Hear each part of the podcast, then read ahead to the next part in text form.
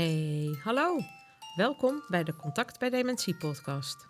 Mijn naam is Lida Zegel en met deze podcast wil ik je inspireren om nog beter in contact te komen met mensen met dementie. Ik heb zelf zoveel mooie momenten ervaren en ook over gehoord en gelezen. De tips die ik hieruit heb gehaald wil ik heel graag met jou delen. Zo hoop ik ook jou te inspireren en uit te dagen om op een andere manier naar contact maken te kijken en misschien ook te gaan doen. Contact. Wat is nou contact? Want je kunt wel zeggen, ja, Lida, leuk allemaal. Contact bij dementie. Hè, met je maat contact. En uh, ja, je wil me inspireren. En uh, je hebt mooie momenten gehad. En... Maar wat is nou contact? Wat, wat wil je nou. Ja, ik denk dat dat ook een hele goede vraag is om daar ook een podcast over te hebben. In ieder geval een aflevering uh, over wat nou precies het woord contact betekent. Want contact is meer dan um, alleen maar een antwoord krijgen op vragen die je stelt. Heel vaak heb ik gezien in het verpleeghuis dat er mensen op bezoek kwamen. En die kwamen dan uh, bij hun dierbare uh, partner, of misschien wel een ouder, of een broer of een zus, of een vriend of vriendin, of een oude buurman. Het doet er allemaal niet toe. Het eerste wat mensen vragen, en dat is ook aan jou en mij, hoe gaat het met je? Ik vind het persoonlijk een hele ingewikkelde vraag. Hoe gaat het met mij? Nou, en net zo ja, simpel als we die vraag uh, stellen aan elkaar: hoe gaat het met je? Is het antwoord vaak net zo simpel: goed. Terwijl ik denk, ja, wat gaat er dan goed? Niet alles gaat goed, maar het gaat goed genoeg. Of ja, waarom, zeggen, waarom geven we dat antwoord? We denken, denk ik, dat we als we die vraag stellen, in contact zijn met iemand. Nou, ik denk dat dat niet zo is. Ik denk wel dat het een manier is om contact te maken, maar dat dat meer uh, oppervlakkig is dan dat het echt uh, ja, diepgaand is. En ik wil juist het over het diepgaande contact hebben. Um, en contact is dan meer een gevoel dan uh, dat het een geluid is. Ehm, het is meer een emotie dan dat het een vraag of een antwoord op een vraag is. Ehm, het is meer een, een ja, bijna een, een, een manier van zijn. En, maar dan maakt het wel heel abstract. Dus nou, wat, wat is dan contact wel? Als het niet het stellen van vragen is. Uh, en dan uh, vervolgens een confrontatie krijgen, zeker met mensen met dementie, die dan zeggen van ja, dat weet ik niet. Hoe gaat het met me? Ja, waarschijnlijk komt er dan nog wel goed uit, omdat dat zeg maar standaard zo in, ingebakken zit in ons systeem ook. Maar er wordt ook vraag, een, een verdiepende vraag gesteld van, heb je nog bezoek gehad? Nou, je zou maar dementie hebben en je korte termijn doet het allemaal, uh, geheugen doet het allemaal niet zo goed. Ja, wat moet je dan zeggen? Nou, dan zeg je maar van nee, want je weet het niet. En je kan het ook niet herhalen. En als je zegt, ja, ik heb wel visite gehad, dan weet je dat er alweer een vraag gaat komen. Wie zijn er dan geweest? Dus ja, dan heb je maar geen visite gehad. Nou, waarop er wordt gezegd, ja, maar je hebt toch die is geweest en die weet ik dan. Het zijn allemaal controlevragen. En wat er dan gebeurt, is dat je juist niet in contact bent, maar dat je die ander verliest. Omdat het lijkt alsof je hem aan het controleren bent of haar. Het gaat niet per se om een man of om een vrouw, maar het lijkt alsof je dan juist het contact verliest. Alleen al door ja, de verkeerde uh, uh, manier te vinden om te denken in contact te zijn. Uh, contact is ook niet uh, als je in de zorg werkt en iemand wakker maakt en gaat wassen en dat ondertussen een, een, collega binnenkomt en je over je cliënt, over de, de bewoner heen een gesprek aangaat. Dat is ook geen contact. Dat zien we wel en dat weten we ook. En als we dat op een filmpje zouden zien, dan zouden we zeggen: Nou ja, zeg, dat, dat, dat doe je niet. En toch gebeurt dat in de zorg. En waarom? Waarom gebeurt dat? Ja, omdat we vaak bezig zijn met onze taken. Het maakt het ook heel lastig en best confronterend als je zegt van hé, hey, wat, wat gebeurt er nu? Want als iemand uh, dan uh, niet zo vriendelijk reageert, dan uh, is vaak het oordeel van, nou, hij is nogal agressief vandaag. Of, nou, zij heeft weer een slechte bui hoor. Terwijl dat misschien wel aan het contact kan liggen. En durven we dat dan tegen elkaar te zeggen? Durven we daar dan wat over te doen? En actie te ondernemen bedoel ik dan. Uh, kunnen we dat dan? Zijn, zijn we groot genoeg om over onze eigen barrières heen te stappen? Begrijpen we ook dat als er iemand in een rolstoel zit en je komt achter, van achter iemand binnen en je trekt iemand naar achteren, want je moet erbij, dat iemand schrikt. Begrijpen we dat dan? Of gaan we dan zeggen, nou zeg, doe even rustig, ik ben het maar. Nou, probeer het maar eens uit te vinden van, ja, ben je dan in contact? Ben je in contact met die ander dan? Ik denk het niet. En hoe, hoe kan het dan wel? Wat zou je dan wel moeten doen? Ja, wat ik persoonlijk altijd doe, is eerst altijd laten merken dat ik er ben. En dat doe ik of door geluid te maken en door mijn stem van hallo. Of ik ga voor iemand staan, ik probeer oogcontact te maken. Hè? En waarom zeg je hallo? Ja, uh, omdat een ander misschien geen hallo kan zeggen, maar wel omdat het gehoor er nog is. En dat er een soort attentie wordt gedaan van er is iets in je omgeving. Nou, dat is volgens mij uh, uh, een, een, stap om contact te maken, maar dat is nog maar eenzijdig. Het contact is pas als het van twee kanten komt. Dus door iemand in de ogen te kunnen kijken en je ziet dat iemand terugkijkt en jou ziet, dan pas heb je contact. En dat kan nog steeds zonder woorden. Dat is alleen maar met een blik. Nou, volgens mij moeten we het daarover hebben van, nou, wat doe je nu? Hoe kom je, uh, ja, hoe, hoe, kom je tot, tot ja, die, die contactmomenten? Um, wat is contact nog meer? Contact is ook um, ja, de geborgenheid. Denk dat dat ook wel een, een, een, mooie term daarvoor is. De geborgenheid uh, die je voelt uh, bij de ander. En als jij als kind bij je ouder komt die dementie heeft, dan hoor je heel vaak, de rollen zijn nu omgedraaid. Ja, dat klopt. Want die geborgenheid die bij, jij bij je vader of je moeder hebt gehad, die, ja, die is er nu niet, niet meer. Die is enorm veranderd. En misschien wel 180 graden gedraaid, hè? Dus dat jij ineens de geborgenheid moet zijn voor je vader of voor je moeder, terwijl jij juist altijd in zijn of haar schoot hebt gelegen. En moet je dan nu accepteren dat een ouder iemand bij jou op schoot komt of in jouw schoot ligt? Nou, uh, uh, letterlijk is dat best wel moeilijk. En figuurlijk denk ik ja, ja, ja, doen. Uh, en waarom? Nou, omdat je dan het gevoel hebt, de emotie hebt van dat je bij elkaar bent. En Um, ik heb specifiek, ik heb al eerder verteld dat contact uh, als een rode draad door mijn leven gaat. Maar ik heb heel bewust contact leren maken met mensen met dementie of met mensen waar ja, contact niet als vanzelfsprekend wordt gezien. Hè. Denk aan mensen met ernstig meervoudige beperkingen of verstandelijke beperkingen. Ik heb geleerd om, hoe, hoe ik dat zou kunnen doen op de uh, methode van uh, van de stichting Mimakkers, uh, toen ik uh, werd. En dat zijn deelstappen die je maakt. En over die deelstappen, ik denk dat het heel mooi is om, om ja, te vertellen wat ik daaruit heb gehaald. Wat mijn ervaring is. Ik ga niet de training van de stichting Mimakkers geven, maar ik ga wel mijn ervaring delen van wat ik heb gezien, wat ik heb ervaren, wat ik heb gevoeld.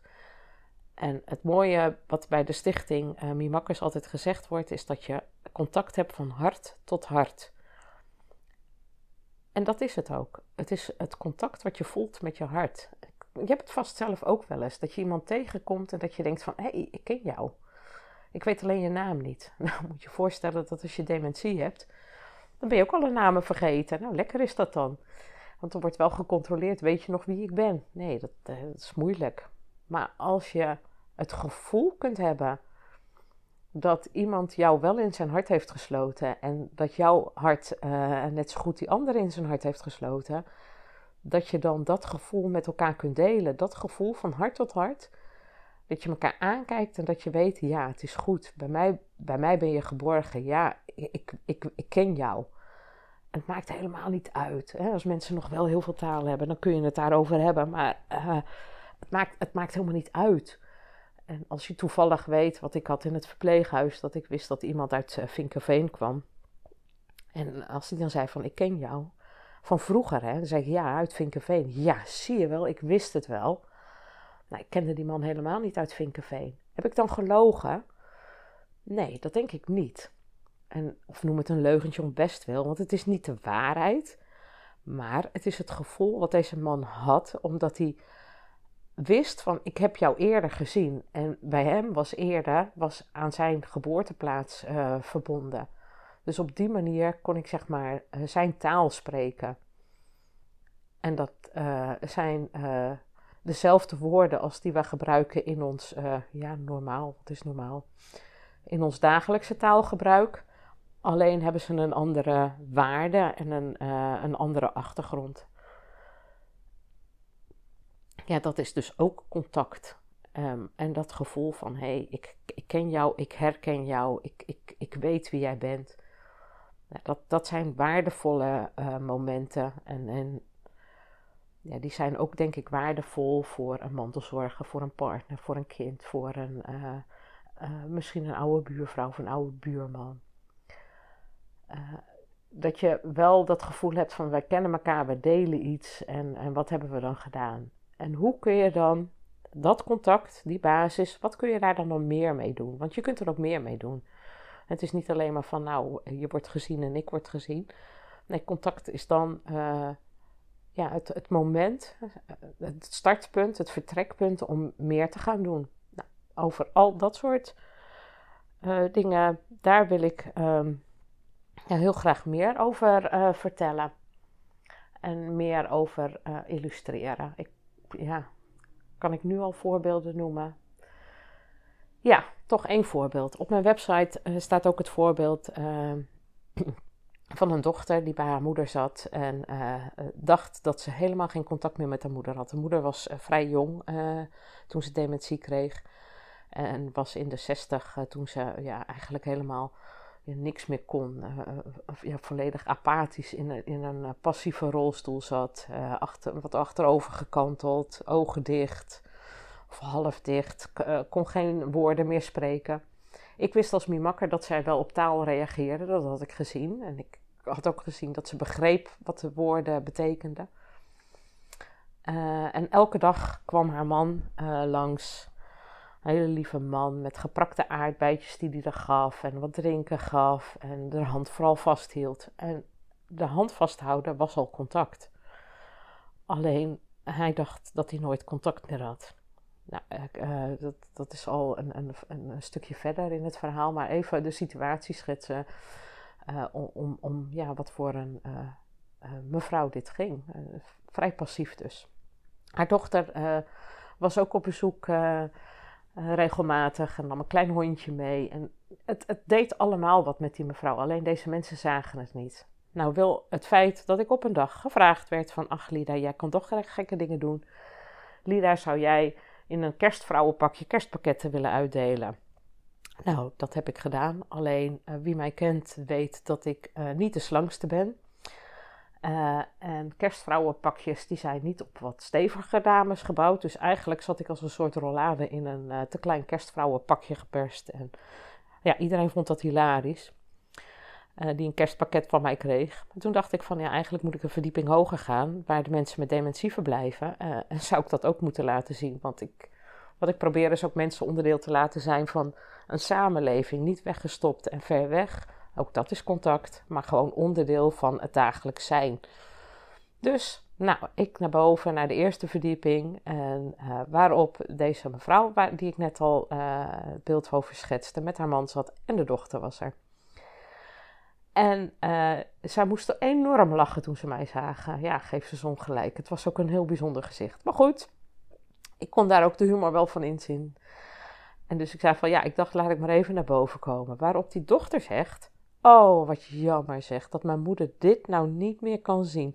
Ze zou hier zo van genoten hebben. En dat geloofde ik direct, want zo had ik er ook wel leren kennen. Ik zeg, oh, maar jouw moeder kan mij nog wel zien. Nee, maar nee. Nou, ze lag achterover gekanteld. En wat ik heb gedaan is tegenover haar gaan staan. Op een stoel en misschien wel op de tafel. Ik, dat weet ik niet meer precies. Maar in ieder geval dat ik in die zichtlijn van haar kwam. Dat ze er ogen open had. Dus ik heb haar uh, toen bij een, naam genoemd. Ik mocht haar bij haar voornaam noemen. En uh, zei ik, kijk eens, kijk eens hierheen. En waarop ze ook naar mij keek. En op dat moment kon ik tegen haar dochter zeggen: En nu moet je naar het gezicht van je moeder kijken. Nu! En ze keek naar het gezicht van de moeder en ze zegt: Lida, ze ziet je echt. Ja, want wat er gebeurde, die moeder had daar inderdaad de lol van. Die, die zag wel hoe, hoe gek het eruit zag en hoe vreemd het was, hoe ik eruit, uh, hoe ik uitgedost was. Dus ik ben als een gek van die stoel en, en, die tafel of wat dan ook, ben ik geklommen ben naast haar gaan staan en heb gezegd: Ali, je dochter denkt dat jij uh, het niet meer door hebt. Maar ik probeer uit te leggen dat jij nog heel veel dingen wel ziet en wel door hebt. En toen zei ik tegen, tegen die dochter ook: van nu moet je naar de ogen kijken. En als je dan naar de ogen van iemand kijkt, dan zie je van. Nou, is het een lege blik? Is het een begripvolle blik? Maar deze mevrouw was alleen maar met haar ogen zo hard aan het knipperen. Zo van ja, ja, ja.